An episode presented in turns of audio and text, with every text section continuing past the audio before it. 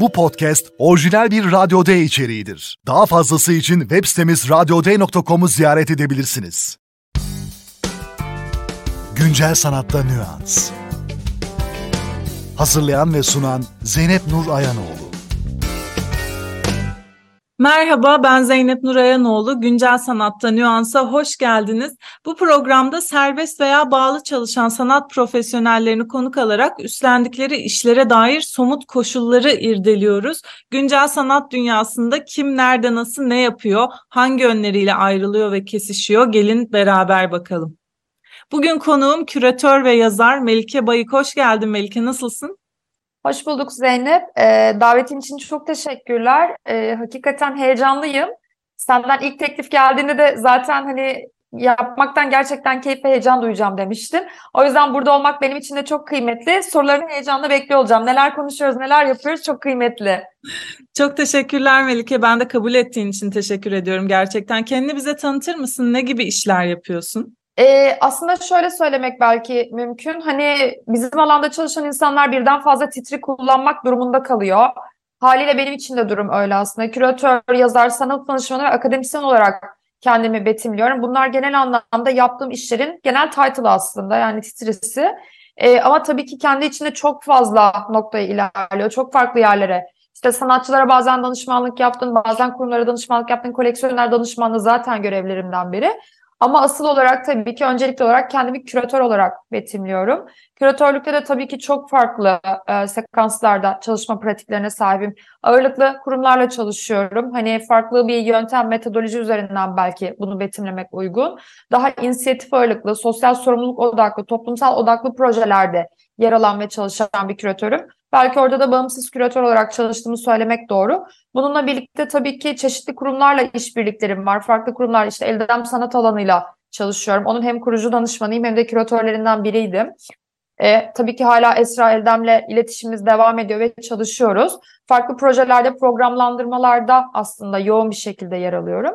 Bunun dışında çeşitli dergi ve gazetelerde yazılar yazıyorum. Ağırlıklı olarak sanatçı metinleri yazıyorum. Sanatçı metinlerini belki biraz şey gibi açıklamak güzel. Sergi öncesinde sanatçının yaptığı bütün üretim sürecine tanıklık edip onu paylaşıp bir parçası olup aslında süreci betimleyecek metinler ele alıyorum.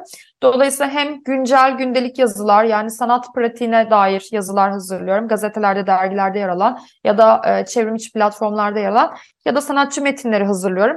Bunlar yine iş ve görev tanımlarımdan bir kısmı.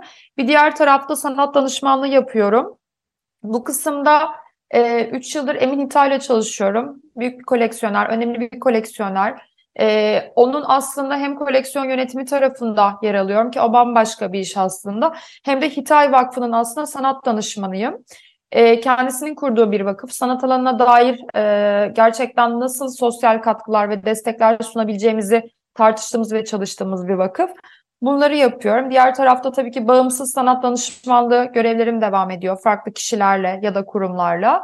Bir diğer taraftan da e, aslında akademisyenim. Hatta şu an okuldan senle konuşuyoruz. E, Yeditepe Üniversitesi Sanat ve Kültür Yönetimi Programı'nda çalışıyorum. Araştırma görevlisiyim. E, burada işte şu an güz ve bahar döneminde iki farklı dersim var ders veriyorum. Ee, diğer tarafta Mimar Sinan Güzel Sanatlar Üniversitesi'nde sanat tarihi programında doktora yapıyorum. Ee, sanat tarihi yazım e, aslında problematiği üzerine diyebileceğim bir tez konum var doktorada. Haliyle Türkiye'deki sanat tarihini ve günümüz sanatını irdeleyebileceğimiz ya da kırılmaları çeşitli şekillerde irdeleyebileceğimiz, görebileceğimiz bir konuya odaklanıyorum. Dolayısıyla aslında galiba çok kimlikli, çok katmanlı, herkes gibi belki bir yapıda çalışıyorum. Galiba kendimi böyle biraz derin belki yol anlatmış olabilirim. Peki günlerin nasıl geçiyor Melike? Bunca iş yap- yapıyorsun madem. 24 ee, saat yetiyor mu örneğin? Benim çok güzel bir soru.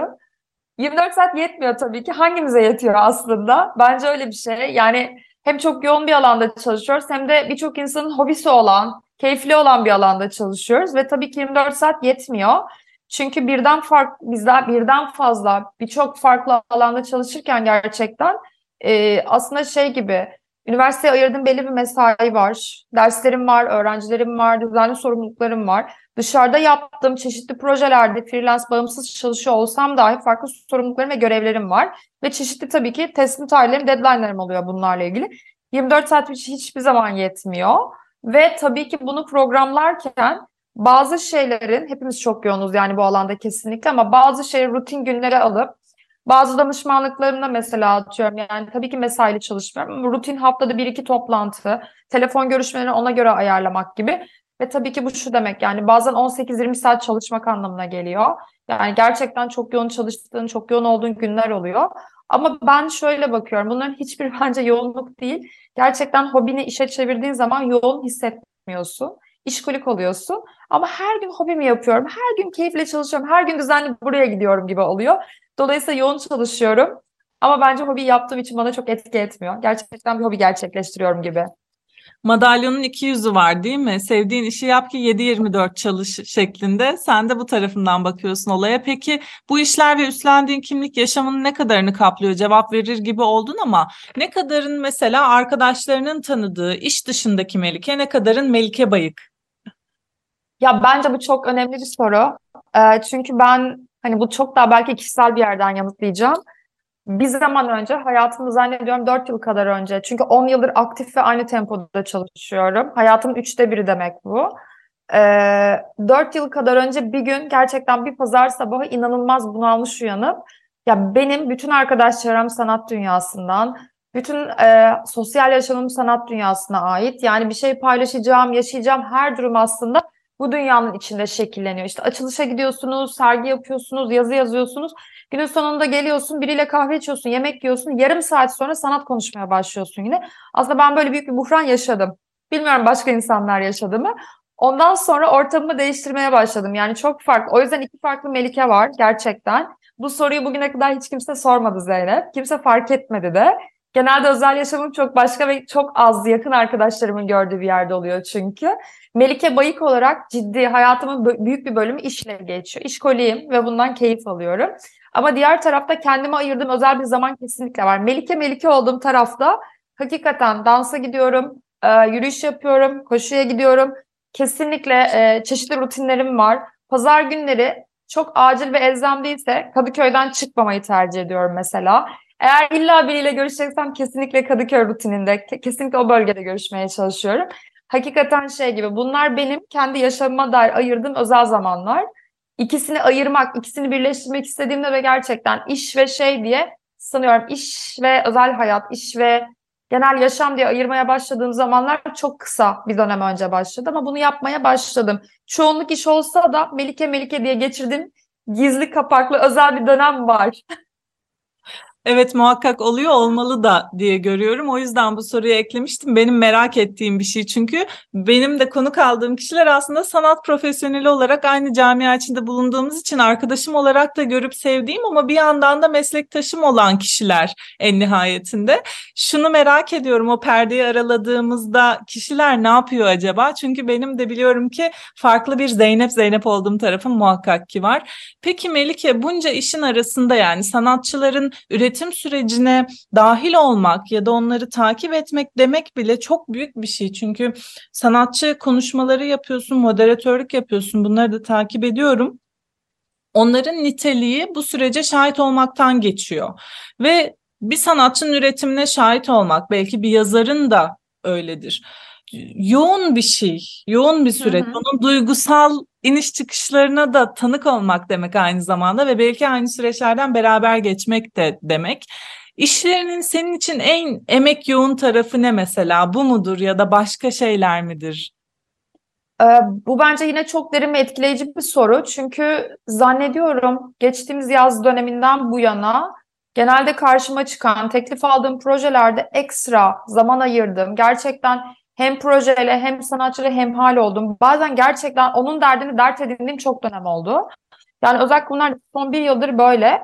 Kendimde şunu fark ediyorum. Aslında proje yapmak, bir şey üretmek için acele etmiyorum. Böyle bir tarafım var.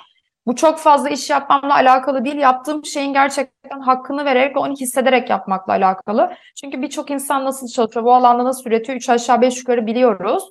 Herkes bir noktada burada biat ederek ve inanarak bu işi yapıyor. O yüzden Benim de inandığım tarafım gerçekten şu. Bir şey ne kadar emek verirsen o kadar karşılanırsın. Yani çünkü e, çala kalem bir iş yapmakla, herhangi bir şeyle uğraşmakla gerçekten bir şey uzun zamana yayarak, üstüne incelikle düşünerek, daha fazla okuyarak, daha fazla paylaşarak yapmak bana daha kıymetli geliyor. Dolayısıyla hem bahsettiğin gibi sergi projelerinde hem de söyleşilerde, yazılarda aslında ben bunu tercih etmeye başladım. Günün sonunda yaptığım bir şeyle ilgili artık neredeyse çalışıyor gibi değilim. Hayatımın bir parçası haline gelmiş bir şeyle ilgili uğraşıyorum. Bu da benim için hem kolay hem de yorucu. Yorucu olduğu taraf hayatıma fazla dahil etmiş oluyorum. Yine o Melike Melike dediğin kısmı. Diğer tarafta da özel tarafa baktığımızda hakikaten iş tarafına odaklandığımda beni inanılmaz tatmin ediyor. Haliyle e, zannediyorum en yoğun geçen taraf benim bu süreci onlarla gerçekten derinlikli şekilde paylaşmam. Herhangi bir yazı yazacağım zaman zannediyorum sanatçıyla 6 ay boyunca her hafta görüşüyorum. Böyle bir süreç oluyor gibi. Ben bu sefer biraz hile yaptım. Konuklarıma genellikle onlarla ilgili izlenimimi söylemeden emek yoğun kısmını soruyorum ama sen de çok fark ettiğim bir şeydi söylemeden geçemedim. Yani bir saatlik moderatörlük yapılacak bir konuşma için çünkü haftalar harcanmaz senin harcadığını fark ediyorum.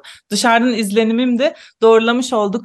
Peki bir sanat profesyoneli nasıl kafa dinler? Senin için boş zaman nedir? Ya bu çok şaibeli. Söyleyeceğim şeyleri herkesin dikkate almamasını söyleyerek başlayacağım.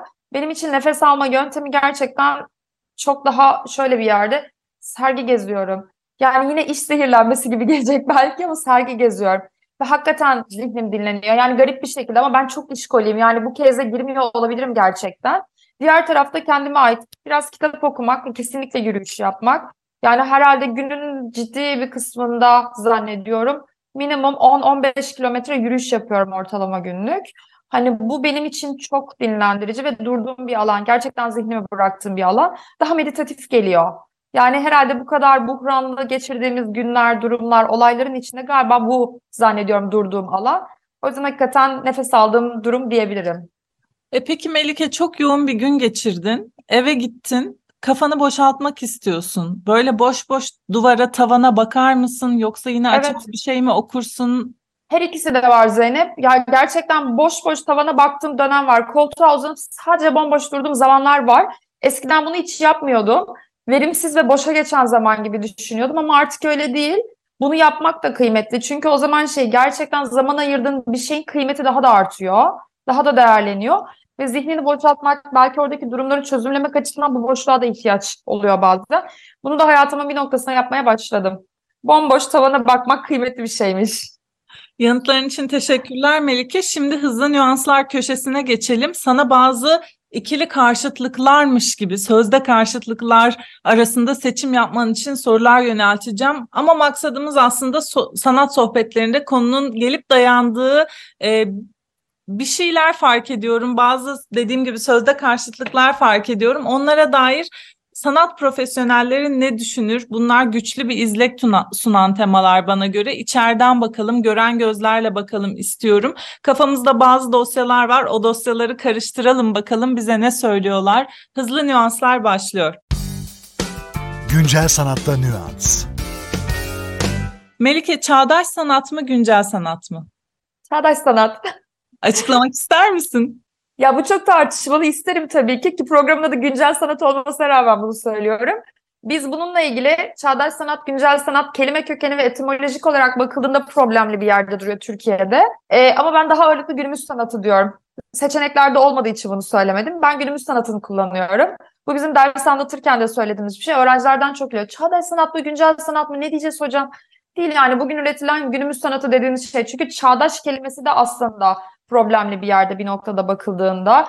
Güncel anlık şimdi o da belki başka bir yerde problemli. Daha ağırlıklı olarak şu zamanlarda günümüz sanatını kullanıyorum. Kurumsal mı kolektif mi? Kolektif. Bu tamamen benim yapıma uygun. Yani kurumsal olmak isteseydim beyaz yakalı olurdum.